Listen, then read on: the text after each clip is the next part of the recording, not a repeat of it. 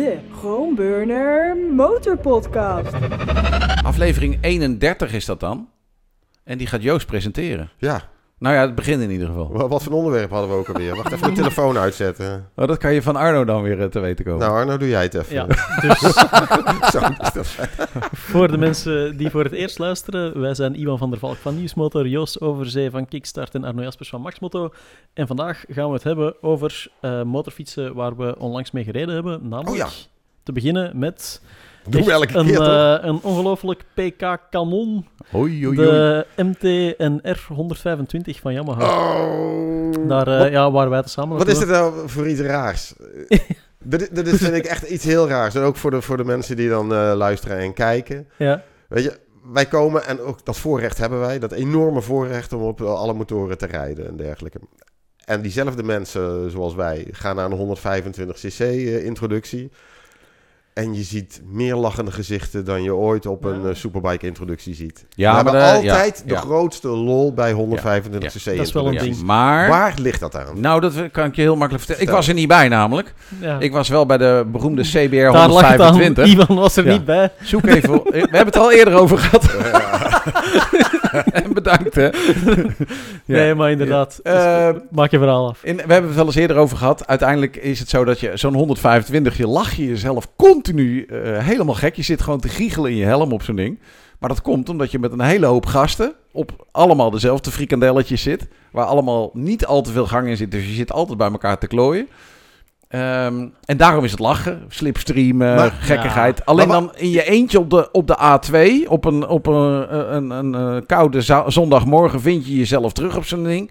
En dan denk je, wat vond ik ook weer leuk aan deze motor. Ja. Maar tegelijkertijd, ik, vraag je dan, ik stel je gelijk een tegenvraag. Ik bedoel, we waren, eh, jaren geleden waren wij op Sepang met ZX6'en. Oh ja, ja, ja. En dan rij je bij wijze van spreken in dezelfde groepje. En dan heb je die lol niet. Nee, klopt. Omdat het veel te hard gaat. En veel te, je bent veel te druk met de motor en jezelf. En Ja, op zo'n 125 heb dan je de tijd. Waarom, waarom koopt niemand dan in Nederland een 125? Los even van Ja? de rijbewijs Nou, waar? Ja, waar? Iedereen koopt tegenwoordig op het circuit kopen ze gewoon een S1000 RR. Want daar eh, Ja. plug-and-play gassen met dat ding. Ja. Maar eigenlijk meedoen in de R7 Cup van Yamaha, dat zou ik veel meer mensen aanraden. Want Ja. dat is weer een beetje... De SV 6,5 Cup heb ik ooit nog in geraced. Mhm. Gigantisch leuk. En de R125 Cup gewoon. en maar de R125 daar is het ja. nadeel dan weer dat die R125 Cup zo gedomineerd wordt door echt jonge racetalentjes, die dan Ja. meestal ook nog eens ja, 15 kilo wegen. Rotkinderen. En op, ja, kinderen. Ja, ja. En op zo'n R125 Ja. ja. maakt dat Ja. het gewichtverschil En die zijn op echt kartbaantjes, denk ik ook. Nou, hoor. nou, Ja, toevallig was ik twee weken geleden was ik daar. Op een Oh, kartbaan eh, Assen. Ja. Omdat ik eh, uitgenodigd was om eh, met, eh, voor de Poegshop eh, Racing Cup mee te rijden. Om maar eens wat te noemen. Om maar eens wat ja, te noemen. om eens even wat Ja. te noemen. Weer even heel wat anders. Stap je van de Street Fighter gelijk op zo'n ding. Ja. Maar eh, daar rijden natuurlijk ook die R125 Cup. En, eh, en natuurlijk de NSF van eh, de firma Molenaar. Ja. En ik moet je eerlijk bekennen dat ik nooit zo'n weekend had meegemaakt. Eh, maar ik heb, ik heb me werkelijk ik heb me verbaasd en ik heb genoten. Zo verbaasd gewoon door het feit van hoe ongelooflijk professioneel dat dan opgezet is. Mhm. Eh, weet je wel, met al die machines, al die... eh, Die de- Poegmaxies? de- de- de- nee, niet eens, nee, niet eens Oh. de Poegmaxies, maar dan heb ik het over de R125 en de NSF vooral. Ja. Ja. Al die motoren keurig, NSF is goud. Dat keurig verzorgd en dergelijke. En aan het eind van de dag staan die gastjes, die staan ook gewoon hun motoren gewoon te poetsen. Hun NSF tuurlijk. 100, eh, 100 te, te poetsen. Ja. En dan denk ik van, ah, dat vind ik echt super. Zie je die helm daar? Die rechtsboven, die zwarte? Van de NSF. 100 Cup. Ja? vast gewoon nog. Nou ja, Ja? dat dus. Ja, Dat is echt super leuk, super goed Ja, verzorgd. maar even terug naar En de Yamaha's. inderdaad Sorry dan jongens. terug naar de Yamaha's. Je Ja. ziet dan ook bij die R125 Cup, daar wordt ook echt keihard ge- gereden. En Ja. leuk gereden ook. Ja. Maar goed, dat is het circuitgedeelte. Laten Nog, we even nog, op het... nog eh, net iets harder dan, eh, dan wij reden op eh, de Iets. 125. ja. Jezus. Was Ja, het ook op wij- circuit dan? We hebben ook een stukje op circuit Ah, gereden. cool. De Cool. R125 was voornamelijk op circuit en dan het laatste stukje op de weg. Maar we zijn begonnen, in ieder geval, ja, we zaten in dezelfde groep. hè. We zijn Ja. begonnen met de MT125 op de weg. Ja, en dat was eigenlijk ook al een mini MT-cup op de, op de openbare weg dan. Ja, dat. Maar eh, ja, was weer lachen. En daarnaast ook gewoon echt een goed ding. Want ik Ja. weet, in Nederland, oké, 125 cc's breken hier niet door om Nee. verschillende redenen eh, die allemaal eigenlijk terugkomen op geld. Want rijbewijzen zijn te Rijbewijs. duur en te moeilijk om te behalen. En we moeten er ook eerlijk over zijn. Ik weet de prijzen nu niet meer van buiten, maar het is niet goedkoop. Voor, Nee. eh, als je het gaat vergelijken met grotere motorfietsen, Kijk. ja, als je na- puur naar de specs gaat kijken, dan kan je misschien een beetje teleurgesteld zijn. Maar voor mij blijft het wel de ultieme opstap naar echt motorrijden. Want het is, het is gewoon echt motorrijden. Hè. Je bent Ja, aan het schakelen, je hebt de snelheid, je hebt vooral de stabiliteit, grote wielen, veiligheid van een, eh, ja, een grotere motorfiets. Alleen ja, nog niet de, de power. Maar Weet je, dat, ja, is, toch. dat, dat is het punt. Want ik heb gisteren inderdaad dan eh, het verhaal dan eh, gemaakt over die R100. eh, Nu dan over de R125 voor Kickstart. Mhm. En, en ja, dan ga je toch even kijken. En Die sponsoren toch de Kickstart, eh, Ja, ja, ja. die cup ja, of zo? zeker, zeker, Ah, zeker. Dus je krijgt hier gewoon geld voor. Niet een beetje. ja, nee, echt. This program was sponsored by Kickstart. Maar zo'n ding, Randy maakt het geld over. zo'n R125, die kost gewoon 7 mil hè, Ja. in Nederland. 7 mil? 7 mil. En dan ga je eh, kijken. En dan Op kost, kenteken wel. ja, Ja, ja, dat, Ja. oh, ja, ja oké. maar dan kost een R3 is 800 euro duurder. Ja, En de- dat. En een R3 heeft dan 42 pk. Ja. Mhm. Ja. Maar moet je ook wel een A2-rijbewijs bij rekenen, et cetera, et cetera. Tuurlijk, dat is allemaal waar en je moet dan geduld Mhm. hebben natuurlijk. Als 18-jarige, ik zou daar, zoals ik mezelf ken eh, in mijn puberjaren, Mhm. zou ik er echt moe- eh, moeite mee hebben om het geduld op te brengen om dan later nog een R3 te kopen. Want ik wil gewoon die fucking R125 hebben. Want zo'n motorfiets, ik vind ook, weet je, je kan het niet een frikandelletje eigenlijk noemen of een motorfiets. Eh, ik, snap, ik snap het wel, in de, in de volksmond praten we over een 125 je. Hm.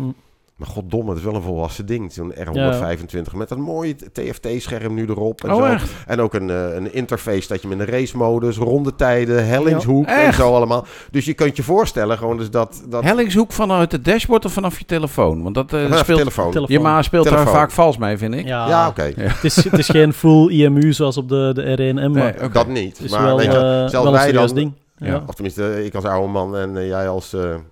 bijna. Semi-oude bijna man. oude man of zo allemaal. zit je toch aan het einde, zit je toch aan het einde, zit je toch weer te kijken van oh, die hellingshoek. Ja. En, eh, Ja, dat is wel mooi, want Ja, inderdaad, je, weet dat ook hè, op die perspresentaties, eh, als het aankomt op apps en op Bluetooth-connectiviteit, dat is iets wat heel moeilijk te testen valt op eh press launches, meestal omdat je constant zit te kloten met andermans motor, Ja, omdat alles zo, ja, aan- Maar aan ook omdat het meestal kut Maar is. ook omdat het inderdaad meestal heel slecht werkt.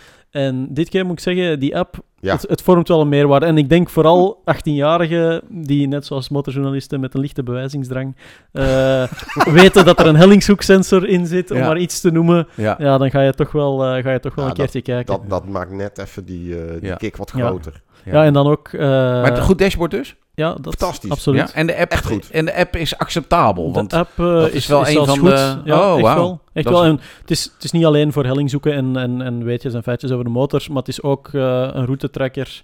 ehm, wat ja, voor de meer toeristisch eh, rijders Ja. dan toch ook wel Ja. interessant is. Anyway, het biedt wel een, het biedt wel een meerwaarde. En het, het, het, de echte meerwaarde vind ik eh, persoonlijk, is dat je, ja, je moet toch weer een hele andere rijstijl eh, erop nahouden. Of je nu op circuit zit, dat, eh, Oh, dat, schakelen, circuitje schakelen. van eh, El Vendrell, daar tussen Ja. Barcelona en Tarragona, prachtig kartcircuit. Ja. Eh, of je nou daar zit of eh, in het berggebied, eh, de- in het achterland van, Mhm. eh, van Tarragona. Weet je wel, het komt, allemaal, het komt allemaal zo verschrikkelijk precies. Bijvoorbeeld, eh, eerst op dat kartcircuit. Nou, in de tweede ronde, toen lag ik al bijna op mijn kokosnoot. dat zie Gewoon je. Dat zie eh, ja, ja, omdat gewoon de zaak eh, omviel. Ik ging gewoon te langzaam. Oh, echt? Omdat je, je zit, ik Dat ging zie je dan ik weer ging- minder. ik ging gewoon te langzaam. Maar dat, dat kwam omdat ik nog helemaal moest kijken van... fuck, in welke versnellingen rij je nou eigenlijk? Je wilde de gang erin houden. Ja. Eh, dus dan schakel je terug. Ja, dus naar zijn één slaat helemaal nergens op. Eh, maar zolang je de lijnen van zijn circuitje niet kent...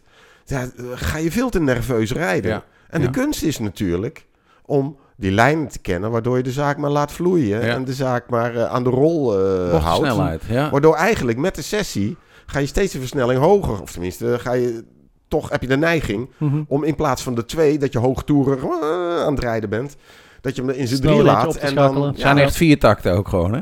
ja, nou ja, kijk, en in het middengebied heeft zo'n zo'n machine, ja, daar kan eh, de R125 niks aan doen. Maar dan missen ze natuurlijk alles, hebben ze helemaal geen vermogen. Nee. Dus je moet helemaal leren met precisie te, te schakelen, te sturen. eh, de, alles uit het baantje te halen eh, Mhm. over de curbstones en alles. Ja, Ja. dat maakt het echt super leuk. En, en Cool. ik vond zo, zo mogelijk nog veel leuker eigenlijk op de openbare weg. Ja, ja, absoluut. Zeker bij haarspelden, je komt een berg af. Nou, dan denk je van... Dus nou, je komt die berg af. Dus je komt die berg af, dan denk je, al, denk je al dat je hard gaat. Maar je weet dat je, dat je na die... eh, als je toch een beetje de pook wil hebben, zeg maar, uit die bocht of zo. Ja, die schakelt gelijk twee versnellingen terug, weet je. Of drie Mhm. versnellingen zelfs. Ja. Dus je komt aan, oh, tik, tik, tik, tik. En dan, en dan weer door allemaal. Om maar zoveel mogelijk in die, Quickshifters? in die, niet? die powerband. eh, optioneel. Echt waar? quickshift. Up en down. Ja.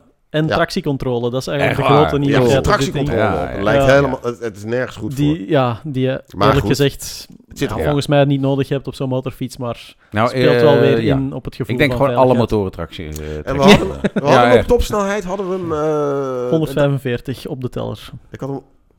Tering, doet hij toch weer beter. Ja, ik had dat is altijd. 141. Oh, ja. Ja. Gecorrigeerd dan, want dan kan Op je de op ET telefoon... of op, op de R? Op de R. Op de R, oké. En dan, kan je, 145. en dan kan je op de telefoon hadden hem gecorrigeerd naar eh, tut, eh, 10 kilometer minder of 141 zoiets. was 132 echt. Met Ja, 10.500 toeren. Ja. Maar goed, het was een beetje rugwind. Ja. Want dat scheelt wel. Ja, ja. Hey, op, en op voor de, de rest, eh, autobaan. is wat? eh, Ik bedoel, schakelen, remmen, zitten. Quickshifter vind ik hetzelfde als bij de R7. Omhoog gaat goed. Naar beneden, ugh, ja, oké. mechanisch. En eh, de, de neiging om eh, de koppeling erbij te pakken. Ik had sowieso wel een beetje een neiging om eh, koppeling erbij te pakken, maar ja. ben, ben van die R7 en, die, en dus ook de R125, die quickshifter, ben ik niet zo heel erg gek van. Oké. Maar ja, dat is, het is dan ook een optietje. En ik denk, ja, we moeten daar eerlijk in zijn.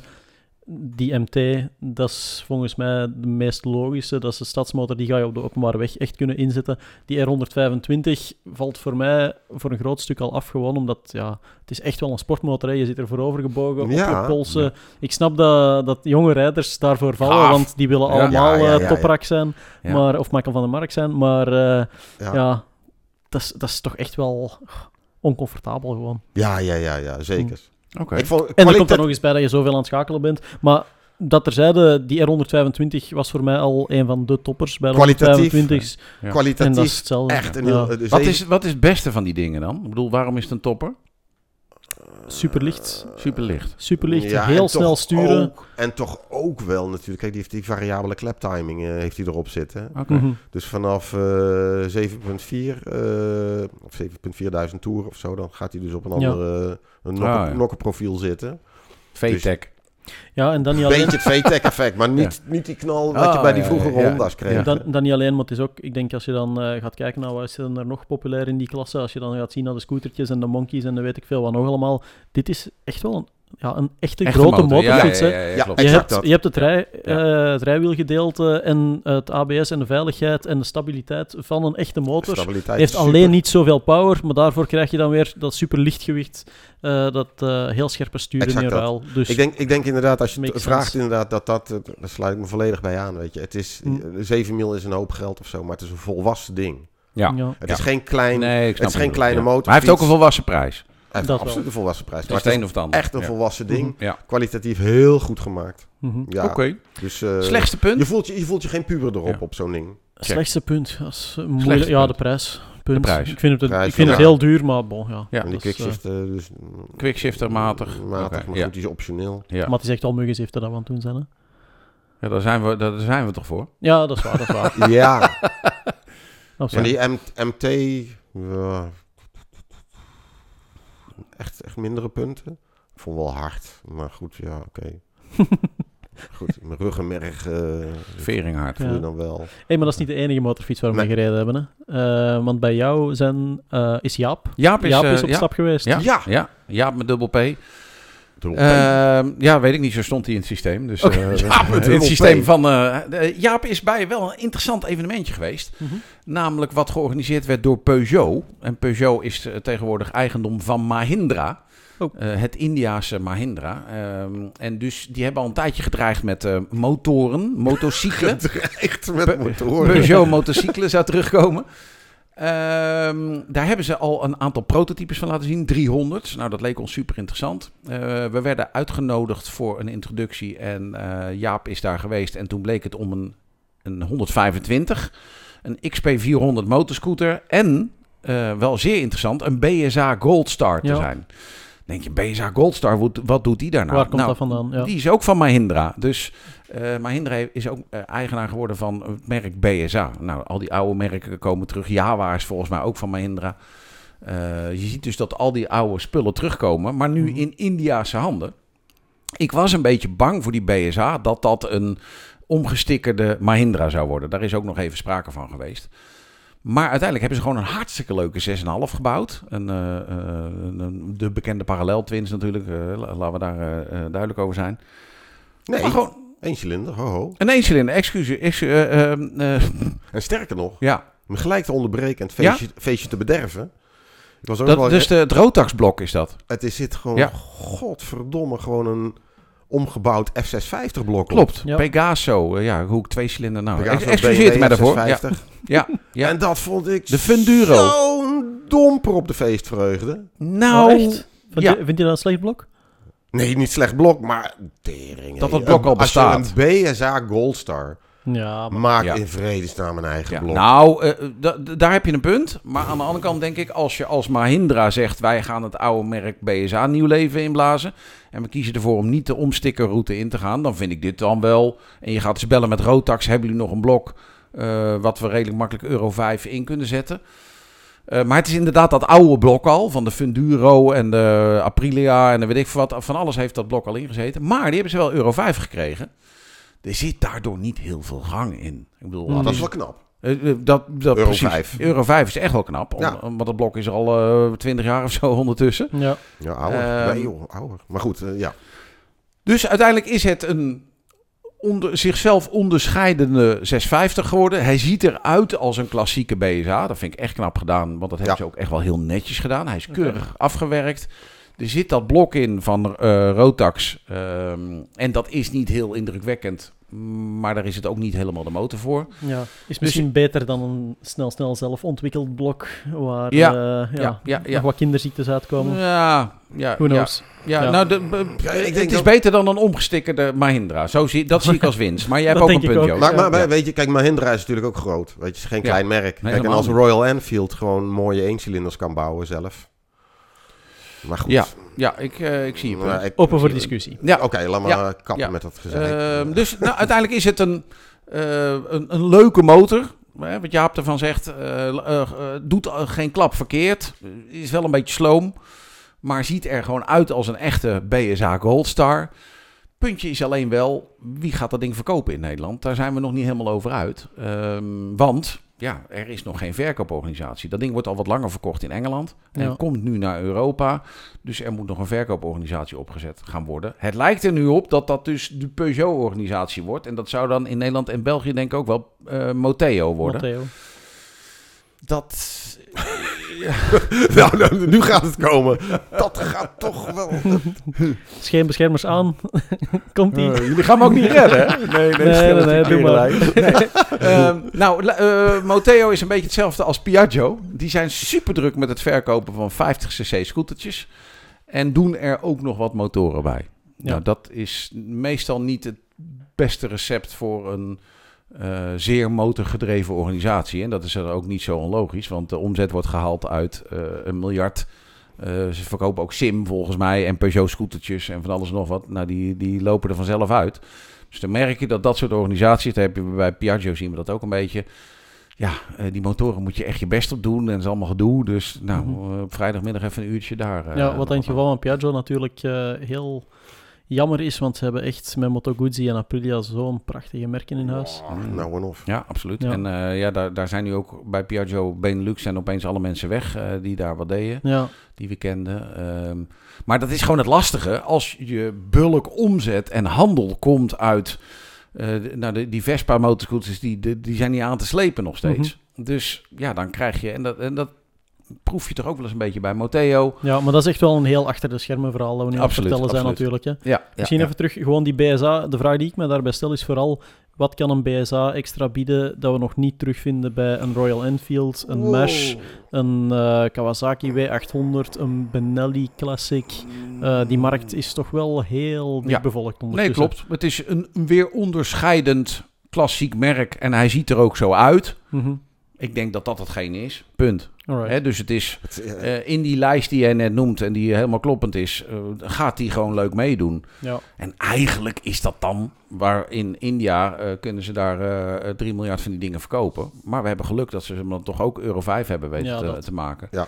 Eh, en dus, dus dat je een keuze erbij krijgt. Mhm. En dat je, als je dat een gaaf ding vindt, omdat hij er cool uitziet en, eh, eh, en er BSA op de tank staat. Kijk, ik, nou ja, dat ook. Vooral Dat. het laatste inderdaad. Kijk, Ja. eh, Het is niet, hij is wij, niet wij hebben een beetje last, en dan vooral ik denk ik als, als meeste nog, we hebben een beetje last van die heritage. Zeg maar, wij, wij vinden het nog een beetje een, eh, hoe noem je dat? Jullie hebben BSA nog meegemaakt. Juist, Ja, BSA echt meegemaakt en... en Nou, dan hebben wij dan nog mazzel erg, hoor. maar, maar Ja. een beetje iets jongere generatie, en, en dat is jouw generatie, dat zou je toch werkelijk aan je reet roesten. Nou ja, de grap Ja. is... Ja, als het maar- maar een mooi ding is en als hij goed is. Nou ja, de grap vind ik dan wel. eh, ik ben toevallig vorige week een eh wezen rijden met een MG in Engeland. Klassieke MG. Maar er rijden tegenwoordig ook nieuwe MG's. Nou, dat zijn gewoon Ja, die Chinese. Chinese Ja. elektrische eh, rampendingen. Zeg, nee, dat is niet waar. Zo'n maar, maar, Mus- Mustang, Ja. weet Die je trouwens wel. ook door maar die Montego hebben verdeeld niets te maken met MG. Nee. Ja. Nee, het is echt En verschrikkelijk. eh eh, klachtenmails naar het bekende adres. Nee, eh, die hebben niets te maken met het Nee. originele MG. Daar kan je ook voor kiezen, Ja. maar dat hoeven ze niet. Dat eh, hebben ze al. Ja. Langs de andere kant, hè, ik denk ook van of je BSA nu meegemaakt hebt of niet, eh, er is altijd wel een publiek dat gewoon kijkt naar de intrinsieke waarde van die motorfietsen. Ja. En met Royal Enfield, daar had ik ook ontzettend weinig mee toen ze enkel nog eh, de Bullet 500 en 350 hadden en echt die, die oude dingen waar je alleen eh, met een hamer aan kon werken, bij wijze van spreken. Ja, Maar dan komen ze in één keer uit met die Interceptor en, eh en die 6,5, Café Racers, ja. die twee cilinders. Ja. En dan denk ik van, nou, dat is echt wel... Dat is een ander verhaal. ja. Dus Ja. dan, dan hebben ze mijn interesse wel. En dat gun ik BSA ook van harte. En eerlijk Ja. gezegd, in dat Ja. opzicht vind ik het al super interessant als ze met dat Rotax-blok werken, want ik had het daar wel voor. Dus ja, ik gun, weet- het, ik ik- gun ze het voordeel van de twijfel. Ik ben op zijn minst benieuwd om er eens een keertje Ja. mee te kunnen rijden. Nou ja, de vraag is dus wanneer dat ooit gaat kunnen. Ja, dat. Eh, ik hoop dat dat snel gaat gebeuren. Dat eh, Mhm. ik weet, ik weet dat Jan-Frank Bakker, eh, Ja? de bekende... bekende klassi- volgens mij is classic racer. Inmiddels al 83 keer een Nederlands kampioen classic ongeveer, eh, zoiets of zo. Ja. In het noorden van het land dat hij er wel mee bezig is geweest. Of, of in Ja. ieder geval wel zijn interesse heeft getoond in die BSA Goldstar. Wat Ah, ook ja, niet verbazingwekkend Ja. is natuurlijk, omdat Nee. hij Absaf rijdt. En Absaf is natuurlijk weer... Absaf, ja. Ja, ja. de Appingen dan met BSA-fabriek. En dat is Ja. natuurlijk weer BSA, bla Ja. bla bla en zo allemaal. Maar goed. Ja, het zou ehm, leuk zijn als dus- zo'n zo'n club er is mee aan de gang zou gaan. Ja. Mhm. echt waar. Ja, Nee, dan, eh, dan gaan we maar meteen door met het volgende onderwerp. En dat is eh, ja, de motorfi- motorfietsen waar we mee gereden hebben. Jij hebt met de grote naked bikes gereden. Ik heb met kleine naked bikes gereden. Of ja, kleine. ja, Ik heb met de middenklasse naked bikes gereden. En eh, ja, dat staat dan compleet los van, eh, van de MT's en de, de BSA's. Maar een heel heet segment, mag ik toch wel zeggen, dit jaar. Dat zijn de middenklasse nakeds. Met name door de komst van de Honda Hornet en de Suzuki GSX-8S. Jij hebt met beide apart gereden op de Ja. presentaties, als ik het Ja. goed begrijp. Klopt. Heb jij al met, eh, met, met een van beide motoren gereden? Nee. Nee, nog niet? Nee. Maar er zitten ook twee klassiekers bij, denk ik. Maar je De hebt ook wel met de MT-07. MT-07 gereden, Ja. ongetwijfeld. En de Triumph Trident, die hadden we er ook naast Die heb gezet. ik ook gereden, ja. Dus ik denk dat dat... Ja, er zijn er nog een aantal andere die meespelen. Eh, misschien moet ik die even kort uitsluiten. Dus je hebt de Aprilia nog, die een Tuono 660 hebben. Die is een stuk te duur, naar mijn mening, om mee te doen met deze test. En dan heb je bij Kawasaki nog de Z650. Die was volgens mij perfect geweest om ernaast te zetten. Maar ja, logistiek geraakten we er niet aan. Ik weet niet in hoeverre dat het eh, niet willen, niet kunnen was. Maar in ieder geval, jammer genoeg lukte dat niet. Dat vond ik echt wel een jammer, omdat de Z650, dat blijft voor mij altijd zo'n beetje de... Moet ik? Benchmark. Ja, Ja. toch wel. Ik Ja. rijd dan zelf met een Ja. MT-07, hè, maar die Z650, dat is echt wel ja, zo'n beetje, een beetje de standaard in, in die klasse. Maar laat ons zeggen, sinds dat de Trident er is, dat was een hele leuke nieuwkomer. Het Ook moet in 10 minuten, hè? dus je hebt 5 minuten, Arno. Oh ja, ja. Ja, ja, want 5 minuten is voor Joost. Dan nee, we kunnen, we kunnen dan met mijn verder wat. Oh, met mijn groot. Oh ja, maar goed. Ga Anyway, door. die, Ga door. die Trident als driecilinder is ook leuk om erbij te hebben. Maar ja, het motorblok waar het om gaat zijn 72 graden parallel twins. Hadden we er hier drie op een rij. En ehm, ja, misschien moeten jullie maar eens vragen. Ik ging ervan uit dat jullie, Trident eh, het leukste is. De driecilinder juist super Jij leuk zou denken dat de, de Trident het leukste is? Ja. Ja. Die kwam er eigenlijk als minste uit. Oh? Ja. vertel. Wauw. Vertel, ehm, ja, Nee. wa- waar te beginnen?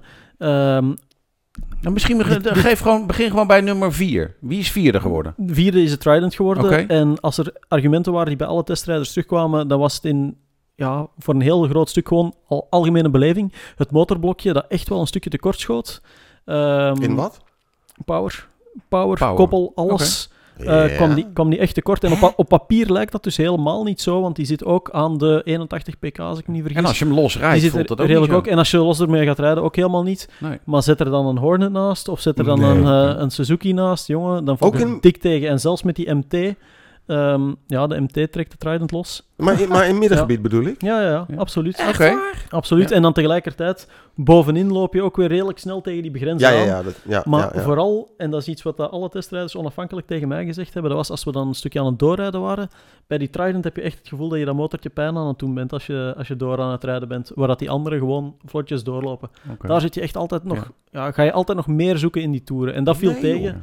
In combinatie, en dat had ik minder verwacht, met dat rijwielgedeelte. Want kijk, ik rij zelf met die MT-07 en daar weet iedereen van, standaard is dat ding super zacht geveerd. Ja. Dat maakt hem enerzijds heel leuk, want ja, wheelies en supermoto gedoe en al wat je wil. Maar als je er echt scherp een bocht mee wilt pakken, het eerste wat je tegenkomt is die vering en het stuur dat in rubbertjes opgehangen is. Daardoor is hij niet zo scherp. En bij die Trident was me dat nooit zo opgevallen. Maar eigenlijk, als je er dan mee gaat doorrijden, merk je dat die achterkant toch wel echt zacht is afgeveerd. Dat klopt. En ja. dat hij ook zo begint te dansen. En Ja. dan, als we voor de fotoshoot zo eens met twee erop kropen, ja, dan ben je gewoon uitgesproken. Ja. Dat is helemaal klaar. Oké. Dus, schiet, Dus er nog, dat- schiet er dan nog over eigenlijk een, op drie? eh, ja, een trio tussen Honda, Suzuki en Yamaha. Ja, En dan gaat de derde plaats eigenlijk toch wel naar de MT-07. logisch. Ehm, ik denk dat dat voornamelijk is omdat het concept van de MT-07 intussen echt wel een beetje eh, ja, roest begint te vertonen. Is wat gedateerd, gaat al mee sinds 2015 en heeft al updates gekregen. Maar ja, zoals ik zeg, het rijwielgedeelte, dat is echt wel een verschilletje met dan de Honda Ja. en de Suzuki. Ehm, en hoe leuk dat motorblokje ook is, het is en blijft eh, ja, een kleine 700, zal ik het dan maar noemen. Ehm, ja, sorry, wat zei ik? Een, kleine, een, een grote 600, een kleine 700. Ja. Dus hij zit aan de 680 cc, geloof ik. Ja, en dan moet hij in één keer opboksen tegen een 750 en die 800 van Suzuki. En dan merk je gewoon dat die power tekort komt. De, Ja. Dat is ook weer zo'n dingetje. Als je er los mee gaat rijden, als ik los met die MT-07 rijd, nooit geen probleem. Als je ze vergelijkt met die andere twee, ja, daar schiet hij echt tekort. Plus dan nog eens dat rijwielgedeelte dat wat minder is. Ik hoop van harte dat Yamaha er volgend jaar werk van maakt voor een update Ja. uit te brengen. Oké. Zit er ook wel aan te komen, maar... Ja. Nou, dan het belangrijkste eigenlijk. En dan is zitten we nog met, twee, met nummer weten we ook wie één- nummer één is. nummer één maar- en twee. Ja, eerst. En dat is ontzettend dicht bij elkaar, Ja, maar het is de Honda die op de tweede plek eindigt. oké. En De Hornet. voor mij persoonlijk, ik vond de Hornet eigenlijk de beste, omdat die het zuiverst aan, eh, aan het gas hangt. Die gasrespons is zo ongelooflijk Ja, die is heel goed. mooi.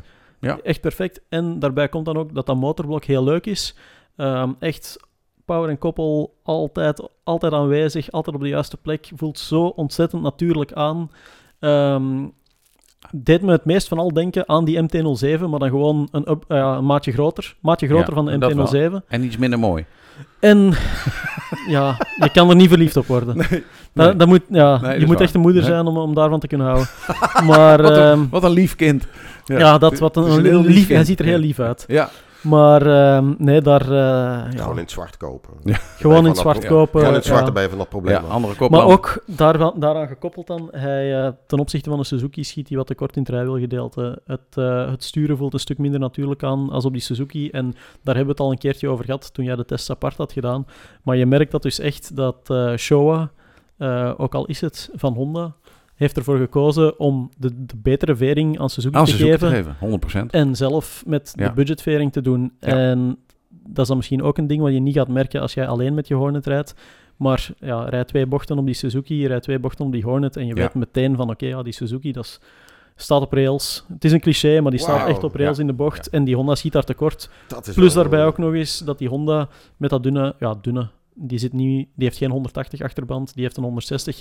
En ja, dat is misschien iets quicker in de binnenstad en al wat je wil. Ja, quick, om dan eh, een kutwoord te gebruiken, maar bon. Ehm, die stuurt misschien iets sneller in de binnenstad, maar ga je, ga je bochtjes doen, Ja. dan schiet hij tekort. En dat is iets wat ook weer over de hele lijn terugkwam. En dan komen we bij die Suzuki uit. En dat is dan misschien nog één minpunt van de Honda, die elektronica. Jesus Christ, man. Wie dat, dat bedacht heeft.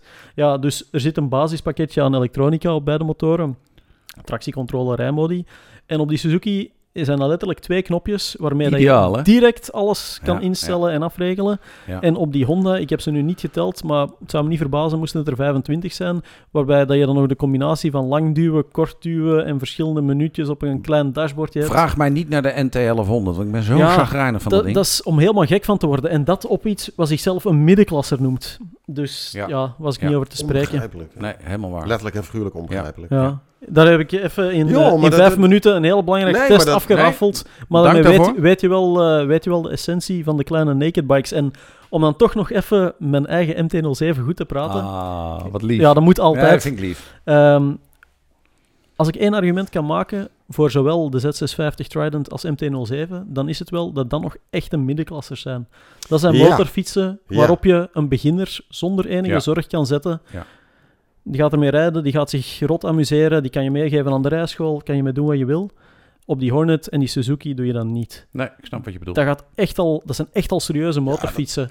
En dat is dan echt wel de bedenking die ik maakte bij die test van, is het wel eerlijk om de, de echte 6,5's Daarom tegeno- is het goed dat tegenover er de niet 7,5 was. groter Ja, te zetten? Daarom was het goed dat die Kawa er niet was, denk ik. Ja, ook. misschien wel. Ja. Of Misschien juist, wel. of Ja. juist niet. Nee. ja, dat is waar. Maar uiteindelijk zie je dat altijd. Eh, eh, we beginnen met een 500 en dan gaan we naar 530 en, En dan dat een vind ik 560. zo jammer. en Dat dan... vind ik eigenlijk Ja. zo jammer, weet je wel. dat willen we allemaal. We Het willen is, net, altijd het is net een Fiat 500 of een, eh, weet je, het moet Ja. allemaal groter, het wordt steeds groter. Op een gegeven moment heb je een familieauto. Eindigt wel. met een eh, Ducati 950 als middenklasser. Hè? Dat is, Ja, eh, Ja, dat het is slaat ook helemaal nergens op natuurlijk. Maar dadelijk gaan we het even hebben over de grote naked bikes. Over naar de reclame.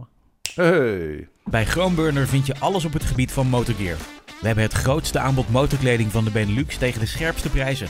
Met meer dan 100 merken is er altijd wel eentje die past. Dus kom snel langs of bestel via onze webshop. Je vindt ons langs de A59 bij Nieuwkuik of natuurlijk via groenburner.nl. Groenburner Motorgear. Fun starts here. Nou, ehm, Arno had zojuist al een beetje eh, inzage gegeven in de middenklasse, de hogere middenklasse naked bikes.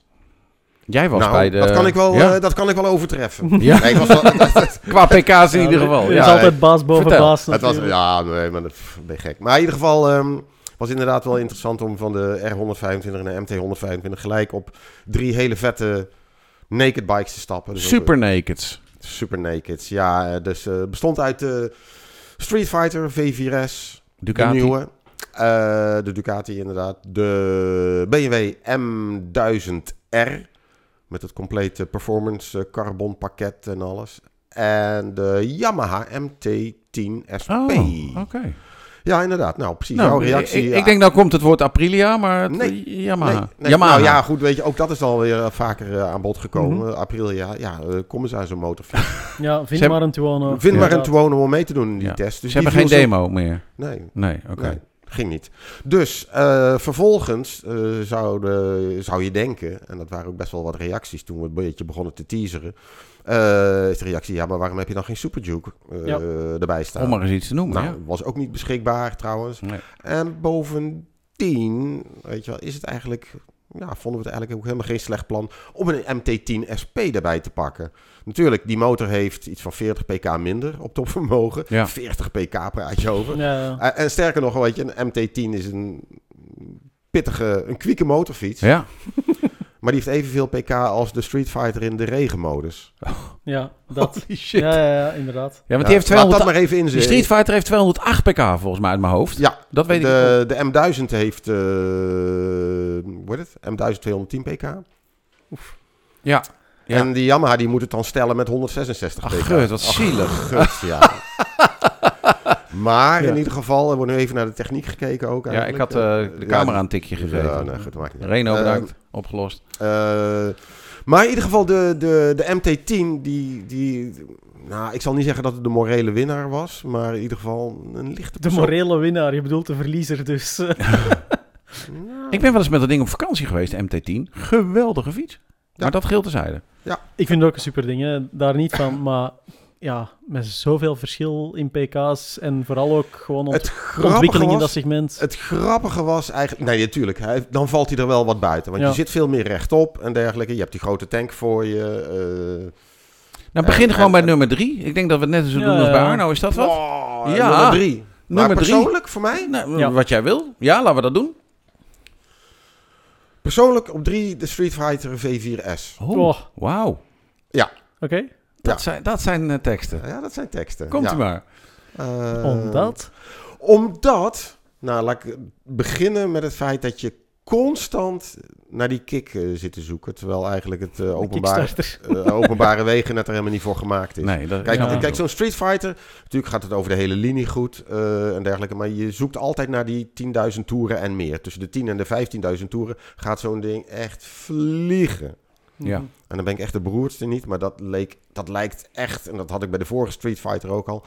Ja, weet je, daar kom je helemaal niet. Maar je wordt Nee. altijd maar getriggerd om in dat hogere toerensegment te zitten. Ja. Het, is, het gaat zo fucking hard. Ja. Ja. Het gaat zo ongelooflijk hard. Daarom zijn die persintroducties altijd op het circuit. Hm. Nou ja, de laatste introductie was inderdaad op het Ja? circuit. Ja. Want het is, het is niet meer te doen, Nee. weet je. wel. Het is echt niet meer te doen. Het is ongelooflijk hoe stabiel zo'n ding blijft, zo'n Street Fighter. Bij die megasnelheden, want je rijdt gewoon 280. Terwijl je kop al eh, zo langzamerhand 100 meter achter je, aan- achter je aan bungelt. Ja. Lijkt echt helemaal nergens op. Maar ik, ik, ik vind het te gek. Ik vind het gewoon echt te gek. Tweede punt eh, is eh, belachelijk benzineverbruik. Oh ja. Wij reden gemiddeld 1 op 11,3 op straat. Wow. En dan zijn we niet levensmoe. Op straat. Op straat. 1,11,3. Maar we, we rijden natuurlijk Er zijn gewoon auto's die dat veel beter doen. Nou, natuurlijk. Van heel Mhm. veel. Bijna Ja, elke auto doet dat beter. Bijna elke auto Ja. doet dat beter. Ja. De vorige eh, Street Fighter, dat was de eerste, die reden wij op straat zo... op V4, hè? Dan De bedoel ik. V4 dan, sorry, ja, V4 ja. De V4 die reden we zo ongeveer 1 op 12 en een half ongeveer. En nu kwamen we op 11,3 uit. Wauw. Nu rijden we aardig keihard waar het kan. Maar we zijn niet levensmoe. Nee. Dat wou ik even Ja, erbij zeggen. ver- verbruik is geen argument in een super naked testen. Heb je wel een punt. Nou, weet je, de tijd... Tjaga. Hoe, gro- groot nee, is de tank? Hoe groot is de tank? 16,5. Ah, ja, dan wordt het wel weer een... Ja, nou ja, aan oké. de andere Kijk, ze kant. hebben altijd gezegd van die MT-10 dat het zo'n zuipschuit Ja? was. Ja. Was die ook? En, en dat zal ook, als je gas gaat geven, zal het ook echt wel zijn. Maar dit verbruik van zo'n Ducati, ja, weet je, kijk, er zijn heel veel mensen die, als wij dan kritiek eh, hadden, dan schreef je inderdaad van dat het verbruik belachelijk was. Mhm. dan, dan sprak je zo'n eigenaar en die zei, ja, god, dat maakt mij uit, ik denk gewoon als lampje gaat branden. Dan Ja. denk ik, ja, oké, ik kan wel wezen, maar ja of, of het is... dit het is niet- verbruik ja. is echt wel Ja. te zot voor woorden. Ik denk gewoon altijd voor 20 euro. Ja, ik dacht net te zeggen- zeggen, dat zijn dezelfde mensen die eh, niet gevoelig zijn aan de benzineprijs. ja. Ja, ja, dat.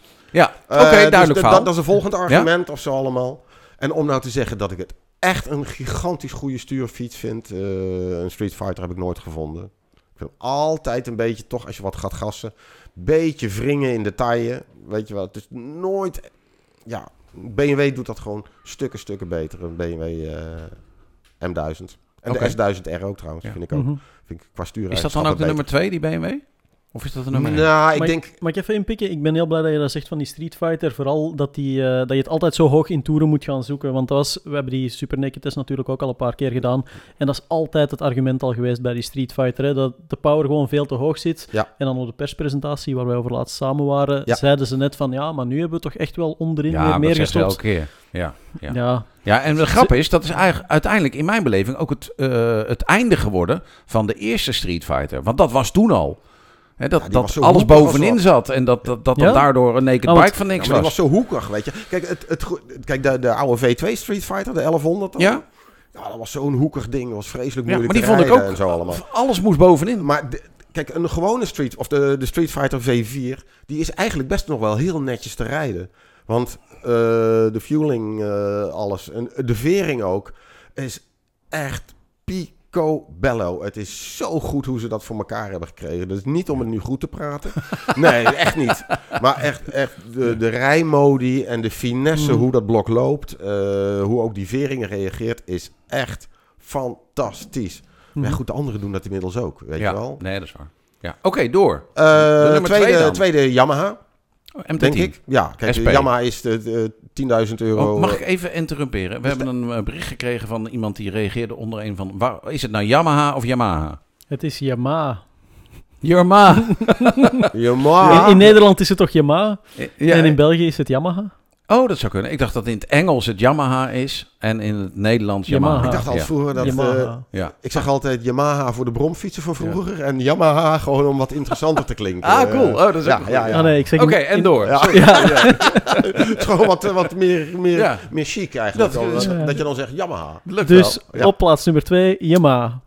De, de Yamaha, ja. Ja, ik, zou- ik zou me, kijk, als je nou zegt welke neem ik mee naar huis, dan eh welke zet ik in mijn schuur, dan is het toch de Yamaha Oké. uiteindelijk. Die Ja, is het best, best verzekerd. Mm, nou, Hoe was de injectie? omdat, omdat het is namelijk, de Yamaha is namelijk, dat was namelijk de, de, de KTM Super Duke van dit drietal. Power onderin. Wop, Ja. wop, Ja, wop. lekker. Ja. En dat maakt het heel feestelijk Ja, om die. Yamaha te Hoe was de injectie? Want ik heb die, die Ja. MT-10 waar ik mee op vakantie was in de tijd, was die injectie wel heel enthousiast. Goed, Aan uit. goed. Oh, was goed. Oh, mooi. Goed. Oké, cool. Goed. Cool. Ja. Eh, laat ik zeggen, eh, in de B-modus, waar iedereen in rijdt eigenlijk, want het beste Mhm. compromis, kan hij een enk, is hij net even wat scherper, zeg maar, als je een rotonde neemt. Maar nog altijd goed. En het onderscheid, en dat vind ik wel heel belangrijk, en dat hebben de Japanners altijd minder in de gaten gehad dan de Europeanen. Het onderscheid in die rijmodi is heel erg goed. Als jij Mhm. woon-werk gaat doen, doe je het gewoon in C. Ja, ja, precies. Prima. Ja. Weet je wel, Ja. D is ook een hele goede regenmodus. De A-modus, waar niemand in rijdt, en dat vond ik een openbaring bij de Yamaha. De A-modus, want iedereen zegt, ja, dat is veel te nerveus en zo allemaal. Dan denk ik van, ja, maar die ene keer dat je denkt van, nou, nu ga ik toch eens een potje vlammen. Dan knal je hem in die A-modus en dan gaat zo'n ding vliegen, jongen, zo'n Yamaha.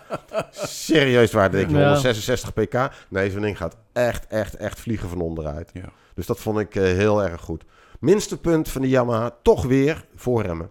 Oh, echt? Ja, Wauw. ik snap er geen reet van. Ik heb Nee. altijd met R1's van de laatste tien jaar ook. Dat ik van, Oké. daar heb ik niet zo vaak op gereden de laatste jaren. Maar nooit echt een sterke punt geweest. Vergeleken met die Brembo Stilema Ja, ja, ja, van de ja. Ducati. Ja. En, Ja. en ook Ja. de BMW, want dat is dan nummer één. Ja. Mhm. Mag ik nog even eh, eh, het uiterlijk van die Yamaha hebben? Ik wilde net zeggen, die is zo lelijk. Man. Ja, nou, het, ik vind het... Ja, maar ho even, Ja. dat zijn ze alle drie toch? Dat is, ja, zo meteen die BMW zeg. Mijn god. Maar nee.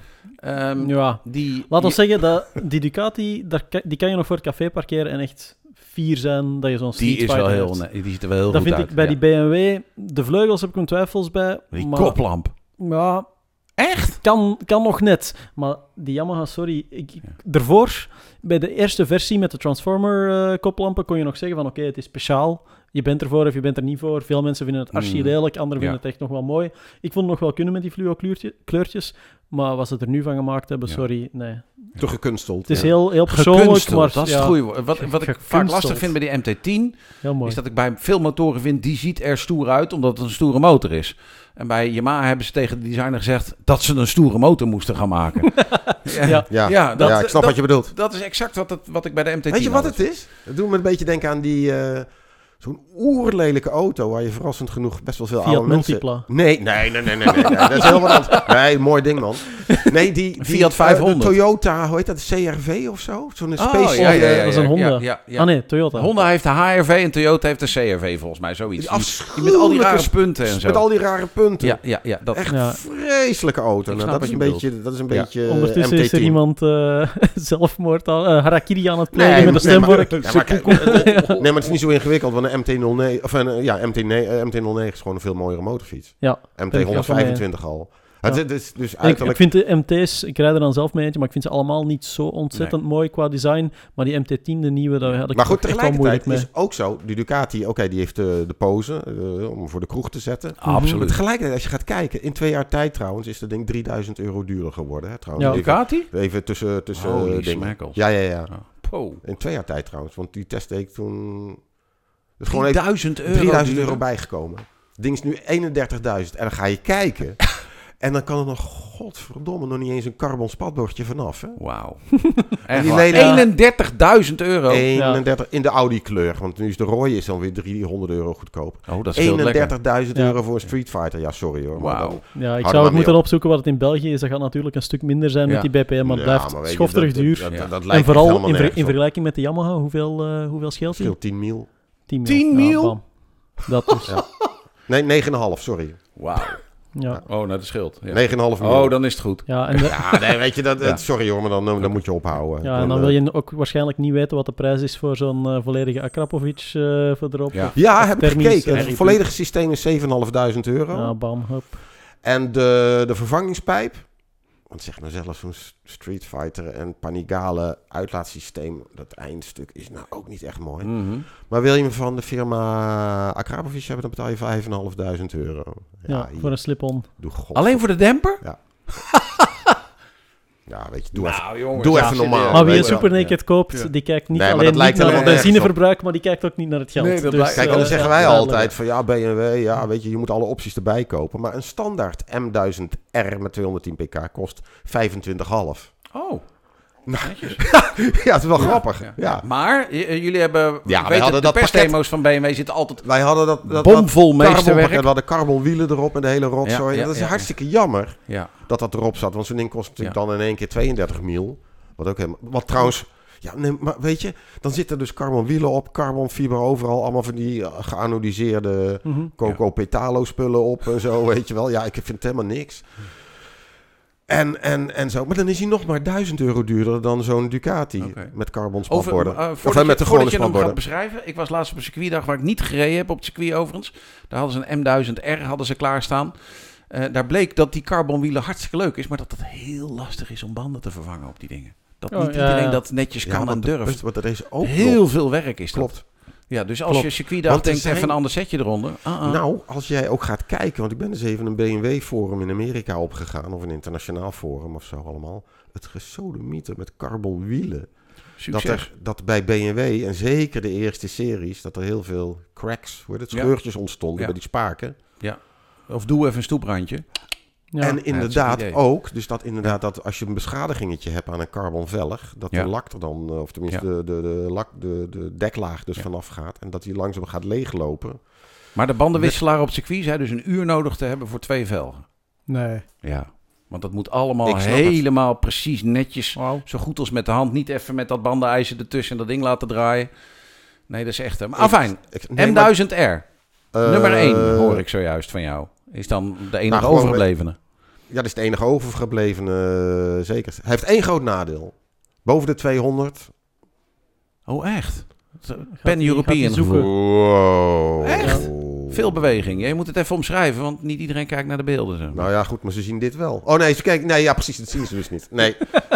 een hele lichte voorkant. Oh, echt? Oké. Wow. Dat je Ondanks eigenlijk... die eh, wings eh, en eh, shit. Ondanks die wings, ja, maar dat is het probleem natuurlijk. Kijk, Ducati die heeft van die wings erop zitten. Die doet bij 220, gaat er 36 kilo luchtdruk op, zeggen ze. Ja. En bij BMW maar 11. ja, daar ga je al. Nou, daar ga je al.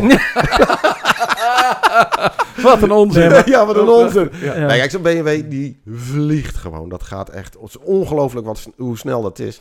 Maar kom je zeg maar bij een windstille situatie eh, op een egaal wegdek... Kom je zo na de 180, begint dat echt aan de voorkant zeer serieus licht te worden. Dat Gaat hij zelf- pendelen dan? Of eh, echt serieus bewegen? Dat serieus gaat om- bewegen, omdat dat- je te traag aan het rijden bent dan? Of, eh, Nou, Nou, dat ik dan ja, dat die zelfs winglets nog niet kunnen eh, die ik voorkant in het asfalt al graven. dacht eh. van, nou, dit is toch geen naderende tankslepper of zo? Want daar heb ik dus even helemaal geen zin in. wauw. Ja. Wow. Oké, maar Dat toch ik nummer wel 1. Groot. En toch dan nummer 1. Ja, want dan denk ik maar aan de mensen die dan niet harder dan 200 rijden. Ja. Ja, ook weer. Weet je, het... hij zit het sportiefste. Eh, Hij was al dus als je- 32 32.000 euro de versie waar jullie op reden. Ja, precies. ja. Hij zit het sportiefste, maar ja, het is ook wel de, de, de stoerste eh, zit daarbij. En het mooiste is, ja, dat is dan wel weer eh, het pluspunt van zeg maar die instabiliteit waarschijnlijk. Het stuurt gewoon gigantisch mooi zo'n ding. Het is het een of het ander. Mhm. Ja, klinkt. Wow. Ja. Ja. En dan inderdaad, dan is het jammer natuurlijk dat wij dat ding met carbonwielen hadden. Ja. Want je zou liever Ja, natuurlijk dat je de niet een gewone directe hebben gehad. vergelijking kan maken. Toevallig hebben we dan eh, nog wel, heb ik dat nog wel een beetje tussen mijn benen zitten, zeg maar. Eh, hè, wat? Maar heb ik dat tussen de, de eerdere ervaring met de S1000R en die stuurde ook gewoon gigantisch mooi. Mhm.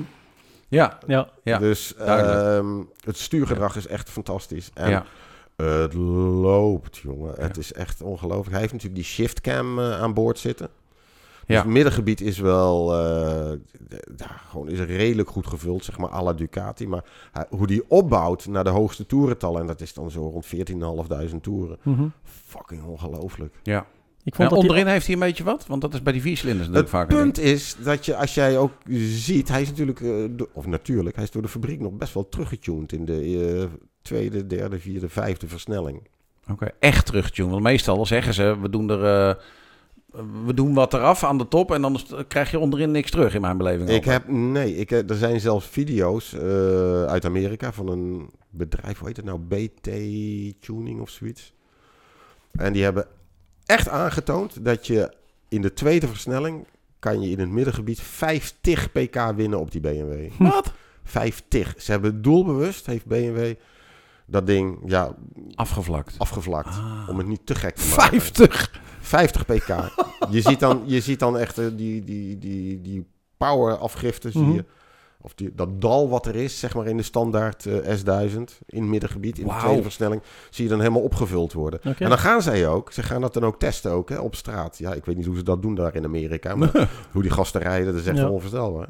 Maar dan zie je dus ook dat ze echt gewoon aftellen, 3, 2, 1, en dan met twee van die dingen, eh, precies dezelfde S1000R eh, ook, weer met die carbon shit. Ja. En dan vol gas is er twee. En dan zie je die andere, die zie je echt als Klein een raket worden. weggaan. Ja. Dus er zit nog veel meer in, eh, Mhm. in zo'n S1000R. Ja. M1000R. Of S1000R. S1000R. Ja, oh, oké, M1000R. M1000R. Sorry, M1000R bedoel je? M1000R. Ja, ja. Oké. Oh, dus overal zeg maar M1000R toch winnaar. Ja, Ehm, hoewel ik wel eh, de- daar een project in zie om hem stabiel te krijgen eh, Ja, ja. aan de gene zijde En van de 200. Koplamp. Ah, het- het- weet je, Vind jij mooi? nee, vind jij nee, mooi? ik vind het ook niet mooi. Vind jij mooi? eh, Nee, absoluut. Maar Maar, weet je wat ik- eerlijk gezegd, bij die naked bikes... Nee, maar het frame... Het is toch moeilijk om, om er echt Nou, een ik vind mooie eh, bij, bij te zetten. Super Duke vind ik erg mooi. Ik vind een Die Super Aprilia Duke- Tuono erg mooi. Ik vind Snap een, ik wel, eh, de Tuono Street vind ik- Fighter. Maar die Tuono, ja kijk, dat is het verhaal dat we al hebben aangehaald. De tests die we in de Benelux doen, dat is altijd voor de tweede plaats. Want de Tuono die kunnen we niet krijgen omwille van de importeur. Dat is heel Ja. moeilijk. Ja. Maar daar weet iedereen van dat dat gewoon het ding is. Ja, de motor die je wil hebben als je toevallig naast En- een dealer woont. En maar de blindelings rest- kan je zeggen dat hij, en blindelings kan je zeggen dat hij het beste stuurt. Ja, dat ook. Aprilia's. Dat ook. Naast een dealer woont, want... Eh, ik zou niet zeggen dat de betrouwbaarheid zo'n probleem is, want er wordt tegenwoordig met die RSV's ook wel veel geraced. Maar ja, je wilt toch... Het, het dealernetwerk in het algemeen, en dan spreek ik zeker voor België, is Mhm. nu gewoon eenmaal niet zo dik gezaaid nee. als bij een BMW of een Ducati of een Yamaha. Ehm, want om dan even verder te gaan, een paar seizoenen geleden hebben we die tests meerdere keren gedaan met de Super Nakeds, met dan één keer met een Tuono erbij, die uiteraard won. Eén keer nog eens met een, eh, met een Super Duke erbij. Ehm, en ja, hoe meer dat je dan met dat soort motoren reed, hoe meer ik tot de vaststelling kwam dat het eigenlijk altijd een kwestie van smaak wordt. Hè? Want ze zijn Ja. zo aan elkaar ja. Op de openbare weg kan je ze nooit ten volle benutten. Zelfs op circuit is het, moet je echt al een hele goede piloot zijn om, om daar het maximum uit te gaan halen. Ook omdat het zo anders is dan het racen met gekuipte eh, motoren. Dus dan wordt het puur een kwestie van smaak. En inderdaad, ja, die Ducati, dat weet je, die gaat er op circuit veel beter uitkomen dan op de M1000 openbare weg. Weet je, Die MT10 die gaat onderin een stuk sterker zijn, met dan die Super Duke die op Ja. de openbare weg van onderuit echt de overtreffende trap van koppel is. Ja. Ehm, ja, en dan heb je die BMW, die naar mijn beleving, ik zou die nooit op één hebben gezet, omdat ja, hij is misschien de snelste en hij is ontzettend efficiënt, maar ik vind hem een beetje saai worden. En de motor waar we het dan nog niet over gehad hebben, dat is de Speed Triple. Die voor mij Ja. ontzettend Ja, hoog scoort. ja, en die ja, in België, ja, ik ja. weet niet of het de goedkoopste was, maar die was echt wel een stuk goedkoper nog dan de rest. Dus Mm. ja, heel veel factoren die meespelen. En ik vind Waar dat, zijn de tijden gebleven dat we die grote vergelijkingstesten, dat daar budget Ja. voor was? Hey. ja, dat die motoren in het perspark zaten. Ja, dat ook nog. Dat ook nog. Ja, ja, want ik weet niet of een speed triple denk ik dat we wel zouden kunnen Die zal dit jaar nog wel in. in Kleine eh, kanttekening nog wel even ja. gewoon van... Ik, Mhm. denk, ik denk dat in de absolute zin, als je alles afweegt, dat dan die, die M1000 het beste alternatief is. Maar ik Ja. zou dan de Yamaha in mijn schuur zetten. Ja, dat Oké. Maar dat daar snap- zou ik dan wel een hoop aan versleutelen op de een Ja. of andere manier. en ik ben ervan Qua overtuigd, design dan. als je met die drie motoren ook nog op circuit was gaan rijden, dat dat weer een ander beeld was geweest. Ja, dan was die Yamaha afgehaakt. vermoed, ik, gegarandeerd. vermoed ik wel. ja. Gegarandeerd. Qua zitpositie, qua grondspeling en alles. eh. Nee, klopt. Dat snap ik wat je Dus bedoelt. eh, ja. Dus ik zou die MT10 meenemen. Oké. Gewoon als bruikbaar Ja. eh, feest. Hier kunnen we dus duidelijk nog, eh, nog lang over verder praten, maar het brengt ons wel weer heel mooi bij het volgende onderwerp. Want ja, jij bent dan net met die naked bikes loeihard gaan, gaan rijden. Uiteraard binnen alle legale limieten en enkel te- Ja, te alleen snel, ja, ja, ja. in te snel- Duitsland. te snel op de autobaan. eh, track Ja, hebben ja, wij, eh, exact dat. gereden, ja. Bij professional riders. Ja. Ja, in eh, België was ja. er wel weer wat te doen over eh, snelheidscontroles. Oh ja, Jezus ja. Christus. En eh, ik moet even het artikel erbij nemen hoor, want dit was eh, iets te uitgebreid om van buiten te leren. Maar er zijn dus in België 6,1 miljoen eh, boetes uitgeschreven vorig jaar. Ehm, Voor snelheid. Snelheid alleen? Ja. Puur voor snelheid. Ja. Eh, dat is Oh. een nooit eerder gezien cijfer. Het was, ik geloof, bijna een derde meer dan, eh, dan het jaar ervoor. Ehm, elke maand zijn het er meer dan een half miljoen. Eh, snelheidsovertredingen zijn goed voor 80% van alle verkeersinbreuken. Dat is bij ons Ehm, ook. Dat is bij ons ook. In de Ja. algemene eh, media Ja. werd er niet dieper ingegaan op motorfietsen. Maar ja, we weten Nou, als, als motorrijders dat dat wel een, eh, een, een issue is. Dat valt mee. Dan. Dat valt mee. Het lol Ja. is namelijk, ik heb het wel eens opgevraagd hier in Nederland. Elk jaar vraag ik Mhm. het op zelfs. Percentage Eh, motorrijders. En dan blijken motor... Alleen het beroerde is, je kan daar nooit... eh motorrijders zijn dan een percentage van 0,0 niks. ja. Maar dat is niet eerlijk, omdat je eigenlijk kilometrages erbij zou moeten gaan halen. Ja. Je kan wel zeggen, er zijn zoveel motoren, er zijn zoveel auto's. Dus is het, hebben motoren veel minder bekeuringen dan auto's. Ja. Als je het, eh, de kale cijfers neemt. Mhm. Maar eh, ja, er worden veel meer kilometers afgelegd met auto's dan met een motor. Het straffen aan de cijfers was natuurlijk wel dat er ehm, ja, een aantal dingen niet duidelijk bekend werden gemaakt. En waar ik dan ja, wel vraagtekens bij stel, want met statistieken kan je tenslotte alles aantonen. Maar ehm, ja, er kwam dan naar boven bijvoorbeeld dat de provincie Antwerpen koploper is. Daar worden de meeste boetes uitgeschreven. Wat mij ook logisch lijkt, aangezien dat ja, Jij daar woont. ik Ja. daar woon in de eerste plaats. Maar dat daar ook gewoon ja, meer verkeer passeert dan bijvoorbeeld in, eh, in. Limburg, om Ja. maar iets te zeggen. Ik veel, heb veel zelfs eh, Suzuki's van, uh, al wieliend van voren geflitst ja, worden dat, daar. daar gaan we het niet meer over hebben. Maar ehm, waar dus ook veel controles zijn. En dan kwamen we ook aan bij eh, trajectcontroles en vaste flitspalen die het best vertegenwoordigd zijn in bepaalde Ja. eh, provincies. En ja, dat dat wel voor een beetje een vertekend beeld eh, zorgt. En ik stel me dan ook de vraag, vooral bij dit onderzoek, van in, in welke mate ehm, stijgt dat aantal verkeersinbreuken mee met gewoon het verhoogde aantal controles. Ik denk dat Ja. ehm, er was nu heel veel te doen rond de trajectcontroles in België, die eh, ja, steeds uitgebreider en uitgebreider Jullie hebben er 200 stond vanmorgen bij mij in de krant, hier in Nederland. Ik weet het cijfer niet van buiten, maar ik weet dat er redelijk veel zijn. Maar vooral ook dat ehm, er heel lang wel trajectcontroles klaar stonden, maar die dan niet effectief in gebruik waren. En vanaf een bepaald moment dat ze in gebruik gaan, ja, dat het dan in één keer ontploft. Ja. Dus eh, misschien is dit gewoon echt een piek die we zien nu in het aantal snelheidsinbreuken. En dat die wel zal dalen, naar gelang dat mensen weer gewend geraken aan die, die trajectcontroles. En dat er weer ja, snufjes op gevonden worden, eh, apps, et cetera Ja. om het te ontwijken. Maar langs de andere kant denk ik ook van ja, er, eh, ja als ik naar mijn eigen rijgedrag, maar ook de mensen rondom me kijk, dan eh, heb ik gewoon het idee dat hoe meer controles je gaat doen, hoe meer mensen er nog tegen de lamp gaat lopen en dat we nog lang niet aan, een piek, eh, aan die piek zijn. Nee. Want Nee, zes- Want 6 miljoen Ja. per jaar, hoeveel, hoeveel inwoners heeft België? 11 miljoen ongeveer. Ja. Ik geloof 11 dat wij, wij hebben voor, even, even uit mijn hoofd, want ik heb dat niet, dat cijfer opgezocht voor Nederland. Ik Mhm. meen dat we vorig jaar in Nederland 8,5 miljoen verkeersboetes hadden. Ja. Eh, waarvan ook, ik meen 6 miljoen snelheid was. Ehm, maar dat is het makkelijkste te meten. Dat is de grap natuurlijk. Snelheid is makkelijk cashen. Eh, makkelijk Ja. de apparatuur ophangen, trajectcontroles. In, in België Ja. vind ik trajectcontroles wel slim, want eh, alle trajectcontroles die ik ken, daar hou ik me ook aan de snelheid. Exact dat. Ja. En dan rij je op de A2 vooral als een debiel op een zes, acht banen naast Ja, elkaar rij je tegen toch 100 gewoon heel braaf 100. Ja. Mhm.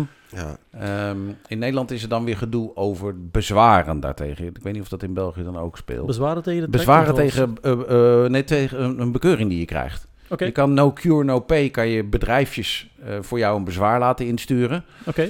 Ehm, Dan mag je me de adresgegevens eens van doorgeven. Ja, nou, de- zij zeggen dat ze één op de vier van de bekeuringen ongedaan krijgen. Oef, dat soort oké. clubjes. Eh, dus van de mensen die eh, wat ingestuurd hebben. Eh, daar gaan nu allerlei mensen tegen te hoop lopen. Die zeggen, ja, daarmee wordt het eh, eh, rechtelijke systeem, het juridische systeem Ondermijnd. om zeep geholpen. Want dat loopt natuurlijk helemaal vast. Dan denk ik, nou, daar heb je zeker een punt. Ja. Maar aan de andere kant, wie is er nou begonnen met een enorme industrie maken van snelheidsbekeuringen? Door 6 miljoen snelheidsbekeuringen uit te delen. Ja. Ja, dat, sorry hoor, boontje komt om zijn loontje. Ja. Daar, daar heb ik Ja, helemaal kijk, geen moeite mee. Het is ook een kwestie van alles maar gewoon eh, in dat ju- juridische systeem te pompen. Je Ja. ziet het ook met asielzoekers natuurlijk. Al die Ja. procedures. Ja. Het hele systeem loopt vast. Ja. Dus misschien als jij inderdaad een, een, eh, iets aanvecht via zo'n bedrijfje... misschien dat pas Ja. over vijf Ja. jaar jouw geval aan de beurt is, of niet? Nou ja, dat is vooral een punt natuurlijk ook. eh, dat, dat, dat daardoor het juridisch systeem ook in België. Want straks gaat ook iedereen. Als er zoveel bekeuringen Ja. komen, komen er ook meer Protest. protesten tegen. Ja. En nou ja, dan, dan denk ik van ja, eh, ja, ja, dat. Misschien Ja. nog even eh, erbij halen wat de andere eh, verkeersinbreuken waren Ja. in 2022, die veel lager scoren. Stilstaan en parkeren, ook iets wat relatief gemakkelijk te controleren is. Een, een half miljoen. Ja. Eh, dan was er een algemene wegcode, overtredingen tegen de wegcode. De rest zit ook aan een 400.000. Eh, dan gsm-gebruik in de auto, je smartphone. eh, die zit nog maar op 100.000. Lijkt mij ook al ontzettend... Wel een heel populaire, want laten we eerlijk zijn, Ja, heel dat- veel mensen zitten op hun telefoon in de auto. Maar veel moeilijker te controleren. En dan komen we bij technische eisen, verkeerslichten, rijbewijs, eh, alcohol. eh, onbekend is blijkbaar ook een categorie inschrijving. Gordel en kinderzitje. Verzekering, zwaar vervoer, drugs, helm, kledij staat er grappig genoeg ook tussen, met Oké. 8000 overtredingen Oh. ehm, en Oh. andere. Heb ja. je, in België moet je Ja, motorkleding hebben? In België, dat is wel een dingetje, een verschil tussen België en Nederland. Wij zitten met een eh, kledingplicht op de motorfiets. Je Ah, bent ver- verplicht om kledij te dragen, waarbij zogezegd het hele lichaam bedekt is. Dus als je, en hoge schoenen en een helm uiteraard, Ja. ehm, en handschoenen. Ik zie altijd van die filmpjes van zo'n mevrouw, die heeft dan zo'n jurkje aan, zeg maar. Ja, En dat is Oh. niet alles heel erg bedekt. Ja, dat zie je niet, in dan? België ja zijn. dat weet ik niet. Op, op internet heb ik wel eens eh, gelezen. Nee, maar Ja. dus je kan eigenlijk gewoon ook in een, eh, ja, een lichte broek en een hemdje gaan rijden met je handschoenen, helm en hoge schoenen aan. En dan ben je ook verkeersreglement technisch in orde. Ja. Maar ehm, ja. het is dus een beetje een Hey, maar wat wet. ik, wat ik eh, zelf daar steeds jammer aan, eh, jammerder aan ga vinden, is dat al die dingen eh, geautomatiseerde vergrijpcontroles zijn. Ja. Hier in, eh, eh, waar ik woon heb je parkeervergunningen nodig. Nou, daar rijdt dan een scanauto door de Och, straat. man, man. Wanneer ben je voor het laatst zelf door de politie gecontroleerd? Of, of staande gehouden voor een bekeuring? Meer dan tien jaar geleden. Dat bedoel ik. Jij, Joost? Ja. Ja, zoiets hè. Ja. Ik zou het gewoon niet meer weten. Wanneer je voor, gewoon Ja. van de weg gehaald werd van meneer u heeft te hard gereden. Of meneer u heeft dit gedaan of meneer u heeft dat gedaan. Ja. Dat is gewoon echt, dat is... En dat je nog is- wel een beetje kon praten ook, Ja. weet je wel. Van, Ja. joh, Nou, dat niet alleen, maar ook gewoon dat je er rechtstreeks op aangesproken op jouw fout werd. Ja, En nu krijg je, Ja, maar dat, dat je er ook wel... is het alleen maar sturen met, met, met, met geld. Je Ja. krijgt Ja. een ding, je schrijft het af, je voert het in je app in en het is weer klaar, is zeg klaar, maar. Het is, Vroeger had je tenminste nog zo leuke verhalen, hè? Nee, maar... Van, eh, ik ben daar... ik- want met dat je het nu zegt, gaan er meteen zo'n aantal situaties door mijn hoofd waar ik dacht van... Ja. ja, de politieagent die hier aan staande houdt. En eh, ik zal er nu niet dieper op ingaan, want daar Ja. kunnen we hele podcastafleveringen mee vullen. Maar eh, ja, inderdaad, dan, dan krijg je of een preek of... eh, ja. Ja. ik begrijp het wel. Of van, eh, oh, wat voor motor Nou, is dat? met Eh, Met die naked bikes, weet je wel, die zware kanonnen. Eh, stonden we daar bij de fotografie en er komt inderdaad een, eh, een auto aan, eh, weet je wel, politie. ja. En, en ja, zij weten echt wel waar wij eh, daarvoor zijn. Niet om een beetje een potje te gaan macrameën Nee. of Ja. figuurzagen daar, weet je wel. Dus, eh oh, vinden ze prachtig, jongen. Oh, mooie Ja. motoren en zo, weet je. Ja. Maar zulke gesprekken, ja, dat bestaat helemaal niet meer. Nee. nee, tegenwoordig is Ja. gewoon flits en eh, een week later flits, de boet in de bus. Ja. Die, die, die misschien eh, motoren heel leuk vinden, weet je. Ik sterker nog, ik denk dat je straks automatisch in kan stellen dat als die bekeuring komt, dat die automatisch betaald wordt. Ja, Dat je dan opeens... in je- Creditcardnummer of Ja, oh, 80 euro, nou jammer. ja dat Ja, moet je niet instellen. Dat ja. zullen zij waarschijnlijk wel Ja, ontwikkelen. dat automatisch dat- van ja, je loon ja, ingehouden Ja, ja, wordt. ja, eh, ja, ja. Dat hoef je zelf niet te doen. Ja. Ja. Wanneer is laatst... Hebben jullie eigenlijk ooit ge- geprotesteerd op een boete? Ik heb er nog eentje lopen voor... eh, Ik woon hier in een vergunninggebied. Uiteraard. Maar dat is voor, voor parkeren dan. Parkeren, zeg maar. oké. Dus, eh, Eh, en ik heb ooit eh, een bekeuring gekregen, dat is wel grappig, in, ehm, tussen de file doorrijden. En dat is best een ingewikkeld dingetje. Oh god. jee. Want je mag Ja. in Nederland tussen de file doorrijden, maar dat is gedoogd. En de grap is dat als het verkeer al een beetje begint te rijden en je haalt rechts iemand in, Gedoogd, dan mag Gedoogd. het niet, maar ze laten het gewoon toe. klopt. Door de ja, vingers, Ja, eh, ja, ja. ja. En Dus er is officieel dan- mag niet, ja. Ja. maar dat is dan do- wel door een aantal belangrijke partijen afgesproken. Dus ook de verzekeringen en weet ik wat. Alleen als het verkeer weer gaat rijden, dan op een gegeven moment slinger je er nog wel eens een beetje tussendoor op je motor. Nou, dan haal je iemand rechts in. En dat gebeurde mij dus eh, eh, al wel langer geleden. En ik word daarna door een politieauto van de weg afgehaald, want ik heb rechts ingehaald. Terecht. Maar, eh, terecht, maar toch weer niet. Want er zijn twee, twee redenen waarom je in Nederland wel rechts in mag halen. Eén Ja. is rechts van de blokmarkering, dus in een, in een weefvak, zeg maar. Ja, ja, ja. En twee is in een file. Als het verkeer in file rijdt, mag je rechts inhalen. Want anders zou je... Maar, tussen de stroom door. Nee, niet, nee, nee. niet rechts van... Nee, nee, nee. Je mag gewoon in file. ja als de, er, de, maar- rech- ja. de rechterfile mag de Ja. linkerfile Ja, inhalen. precies. Want anders sta je stil. Ja, en ja, dan, precies. hè, dan gaat de Niet dat je rechter over de file rijden. Ja, eh, rechts ja. inhaalt. Dus er zijn twee uitzonderingen waarop je wel rechts mag Maar inhalen. ja, dus zeg- bewijs maar eens dat je niet in file stond of wel in file Nou, de stond. grap Dat is, de moeilijkheid, file wordt niet omschreven in, in de Nederlandse wegenverkeerswetgeving. Dus ik heb dat verhaal toen laten voorkomen. Eh, netjes naar de eh, kantonrechter in eh, Hilversum was dat toen nog geweest. En daar, eh, eh, want eerst had ik het schriftelijk. Nou, daar, schriftelijk ben je altijd kansloos. Dat is gewoon eh, een waste of time. Maar, Hm. ehm, en toen netjes voor laten komen. En toen ben ik uiteindelijk vrijgesproken. Dus eh, ja, serieus. Ja. Ja. dat was wel, eh, was wel mooi. Ja? Ja. Nee, nooit in beroep gegaan. Ja, wel, oh ja, wel één keer. Maar dat was voor een eh, bestelbus die verkeerd geparkeerd stond. eh, Ja, ja oké. Maar niet met de motorfiets. eh, je hebt gewoon altijd meteen toegegeven. van, Gewoon oké, betalen. ja, betalen en Geld is het probleem niet. Dus, eh, Geld speelt geen rol. Eh, maar- Nee, Ja. nee, nee. En jij niet. dan, Arno? Ook, maar ook, ook een keertje... Ik heb ook in een dag eh, een keertje 860 euro afgetikt. eh. Oh. 860 euro. Die, was, die Oh. was wel redelijk... Maar ja, geld eh, speelt geen ja. rol. Geld speelt geen rol. Nee. Ja, en jij, Arno, ja, jij dan? Ik heb, ik heb nog één leuke andere die ook wel aansluit bij het onderwerp. Dat was in België over tijd een kerel. Op de eerste dag dat alle trajectcontroles effectief aangezet werden, Oh, was die van, eh, weet ik veel, eh, ergens in Limburg of in Wallonië naar de zee gereden. Dus over alle mogelijke autostrades. en die had ook zo'n verhaal van op één dag voor meer dan 1000 euro aan boetes bijgereden in de snelheidscontroles. En dat is mij gelukkig nog niet overkomen.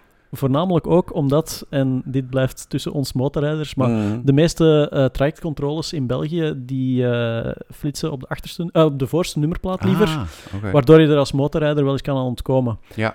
Vraag me nu niet meer naar het hele technische aspect daarvan. Er zijn er ongetwijfeld ook die wel op de achterste nummerplaat werken. Maar ehm, ja, er zijn er enkele heel bekende waar het ook algemeen van geweten is dat je als motorrijder er eigenlijk geen rekening mee...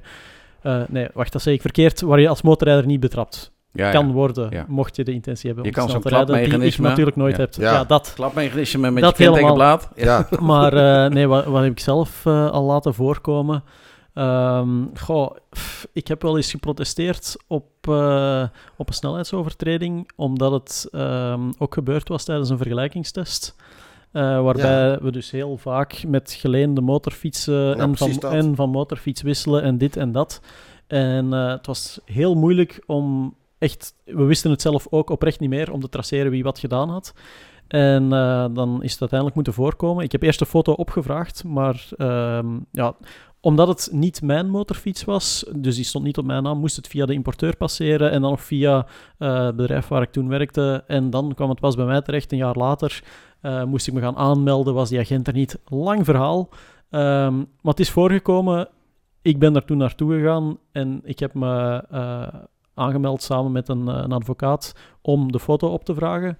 Die foto konden ze niet voorleggen en toen is Oh. het meteen geseponeerd Ja, geweest. dan ben je klaar. Dus eh, ja, ik weet niet, nog altijd niet of ik er toen echt geluk mee gehad heb of niet, maar in ieder geval, dat is, het is gewoon weggegaan uit zichzelf. En het is grappig, want ik had nu uit Frankrijk nog eentje eh, lopen en ehm, daar had ik dan wel op geprotesteerd, omdat die in het Frans opgestuurd was eh, naar Vlaanderen. En ik had gewoon meteen gezegd van, ja kijk, ik wens op zijn minst in het Nederlands aangesproken te worden, wat in Europa je recht is als je boete krijgt. En soms, kan je, soms kan je er echt wel jullie Belgen zijn er ook handiger in Ja, dat spel, hè? Ja. Waarschijnlijk. Maar eh, nee, wat een bak, ik kan je er ook meteen bij vertellen dat ik het volgende keer niet meer zal doen. Oh. Want ik krijg nu meteen de volgende boet- boete in het Vlaams in de bus van Oh. eh gelieve zoveel extra bij te betalen. Oh, want, extra eh, kosten voor de dossier- vertaling. dos- ja, nee, het was meer een dossier. Ik ken nog wel een goede dossier vertaler kost in België. vertraging. Jezus. Dat, maar het was Ja. ook weer zo ja, een lulverhaal. En ook Ja. gelukkig, want om dan terug te komen op ons onderwerp, het ging ook over een heel kleine boete, maar ik geloof 5 of 10 kilometer per uur Ah, te oké. snel. En ehm, als we zien naar de, de cijfers, daaruit blijkt dus ook dat die overtredingen van 0 tot 10 kilometer per uur te snel, dat dat ongeveer eh, ja, een 400.000 eh, overtredingen Ja, zijn. nou, ja, dat is Ja. het, weet je wel. Ja. Dus ja. Kijk, er Maar zit ook- in België is de e- 1 kilometer Sorry, al sorry, heel duur, ik, toch? Ik, eh, ik, eh, 4 miljoen ik verkijk met 4 miljoen natuurlijk. Ja, ja. Ehm, en dat de echte, de zware overtredingen, dat dat echt, en dan wil ik zeggen, meer dan 40 km per uur te snel, gaat hier over een eh, kleine 37.000 overtreders op 6,1 miljoen. Dus Ja. elke is er eentje te veel, maar Ja. ja, ik, Ik, vind had het vorig toch, jaar, eh, en denk ik nu weer, tax. ik had een bekeuring in Duitsland, ik had er een in België en ik had er een in Frankrijk. Dus ik was er wel een beetje klaar mee toen. Op de motor. Eén in de auto, eh, twee in de auto in Duitsland. In een of Ja. andere K-dorpje waar je s- s'avonds om 11 uur eh, van wel recht in je Ja, gezicht geflitst wordt dan. Ja. Bij de Sachsenring was dat voor de GP. In hetzelfde dorp twee keer. En in België en in eh, Frankrijk dan. Maar het is, Ja. wel, het is wel zo, dat, dat is een beetje het probleem. Hebben we nog tijd? Ja, nee, Ja. nog even. Ja, nee. dat- Nee, ehm, dat is wel een beetje het probleem met dat testwerk eh, wat we dan doen. Wat jij nou ook zegt, weet je wel. Van je zit met verschillende dingen en je wilt toch een klein beetje zo'n motorfiets eh, getest hebben. Ik bedoel, Ja, maar daarom wissel ik ook altijd... Bij persintroducties wissel ik altijd van motor. Je moet altijd van motor wisselen. Echt waar, want ze zeggen altijd... Ja, Van der Valk, jij hebt nummer 8. Dan denk ik, ja, dat is goed. Maar na een uur pak ik gewoon nummer 9. En daarna nummer 10. Want dan weet ik zeker dat als... En ik heb ook van een persintroductie nog nooit een bekeuring gehad. Nee. Dus, en, die, en ze houden dat dan bij, zeggen ze. Omdat ze dan weten wie er op Nou, welke motor gereden Een, geval, een praktijkgevalletje. Dat was jaren geleden. Woonden we nog in Amsterdam, eh, mijn vriendin en ik. Zij had een Monster 620. En ik had een BMW K... Wat was dat? Eh, 1200. RT of zoiets in de test. eh, weet ik veel schrok al. Ik dacht dat hij hem zelf had. Nee, Ja, nee zeg. eh, In de, in de test en zo allemaal. Ja. Dat ding was instabiel. Ja. Ook al. Wat Ja, eh, toen wel. de Ja, M1000 ja, ja. dan voor heeft, had hij achter. Weet je wel? Het ding was, ding was instabiel. En ehm, toen dacht ik nog van, ja, godverdorie, weet je wel. Wat moet ik daar nou mee? Weet je Ja. wel? Want dat is, heel, dat, is, dat is echt wel een groot probleem. Je kan wel schrijven, ja, ding is instabiel. Ja, je maar moet gaan goed, testen. nou ja, je moet gewoon moet uitgetest worden. Dus toen heb ik Gert-Jan gebeld hier van dingen. Van, ehm, Van, van, van, van, van, van harte. harte, BMW van harte. Ja. En zo. En zegt, ja, nou, maar, maar ja, dan moet ook eh, gewoon Michelin zonder. Dan denk nou, godverdomme, weet je wel. Dan werk je jezelf eigenlijk in de nesten in het belang van BMW. dus op vrijdagmiddag dat ding eh, naar eh, Van Harte, eh Michelin's eronder. En toen ben ik zaterdag gaan rijden. Ja, maar ja, je wil wel een beetje doorrijden. Je wil wel een beetje gaan testen. Ja. Dus inderdaad, eh Monnikendam Mark, eh, prachtig Oh daar ja, zo. die, ja.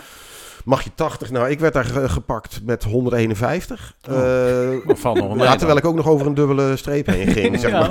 achterwiel. ja, Met een joint in de mond. het. eh. En mijn vriendin zat daarachter op de Ducati Monster. Maar die reed dan wel minder hard. Maar in ieder geval, we waren, redelijk lul. Dus in ieder geval dus iets van 860 euro konden we aftikken. Oh, oh. En, en, en eh, toen we dit binnenkregen allemaal, toen waren we zo ziek. Toen zijn we s'avonds uit gaan eten. Gewoon om, en kreeg ik nog 50 euro parkeerboete. Oh, eh, echt? ja.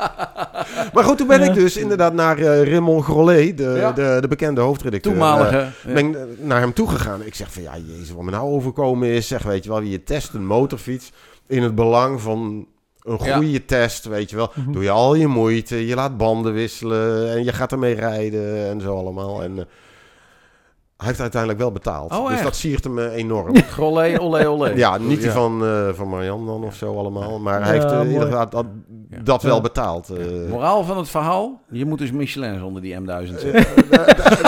Dat of heb ik het weer verkeerd begrepen? Ja, ja, weet Ja, ik niet. jongens, ik voel aan over dit onderwerp kunnen we ook nog wel een paar uur verder Mm, praten. kunnen we maar helaas moeten we hier afronden. Dus ik zou iedereen willen bedanken voor het luisteren. Dat was op een gesloten weg trouwens. Hè, trouwens. Ja, in Duitsland. ja, in Duitsland.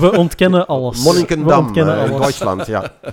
Ja. Dat terzijde. Heel veel bedankt voor het luisteren. Vergeet alsjeblieft niet van te liken en te subscriben. En te mailen, En te en mailen. te mailen naar het gekende adres. motorpodcast.nieuwsmotor.nl Heel veel bedankt voor het luisteren. Wij waren Jos Overzee, Iwan van der Valk en Arno Jaspers. Tot de volgende keer.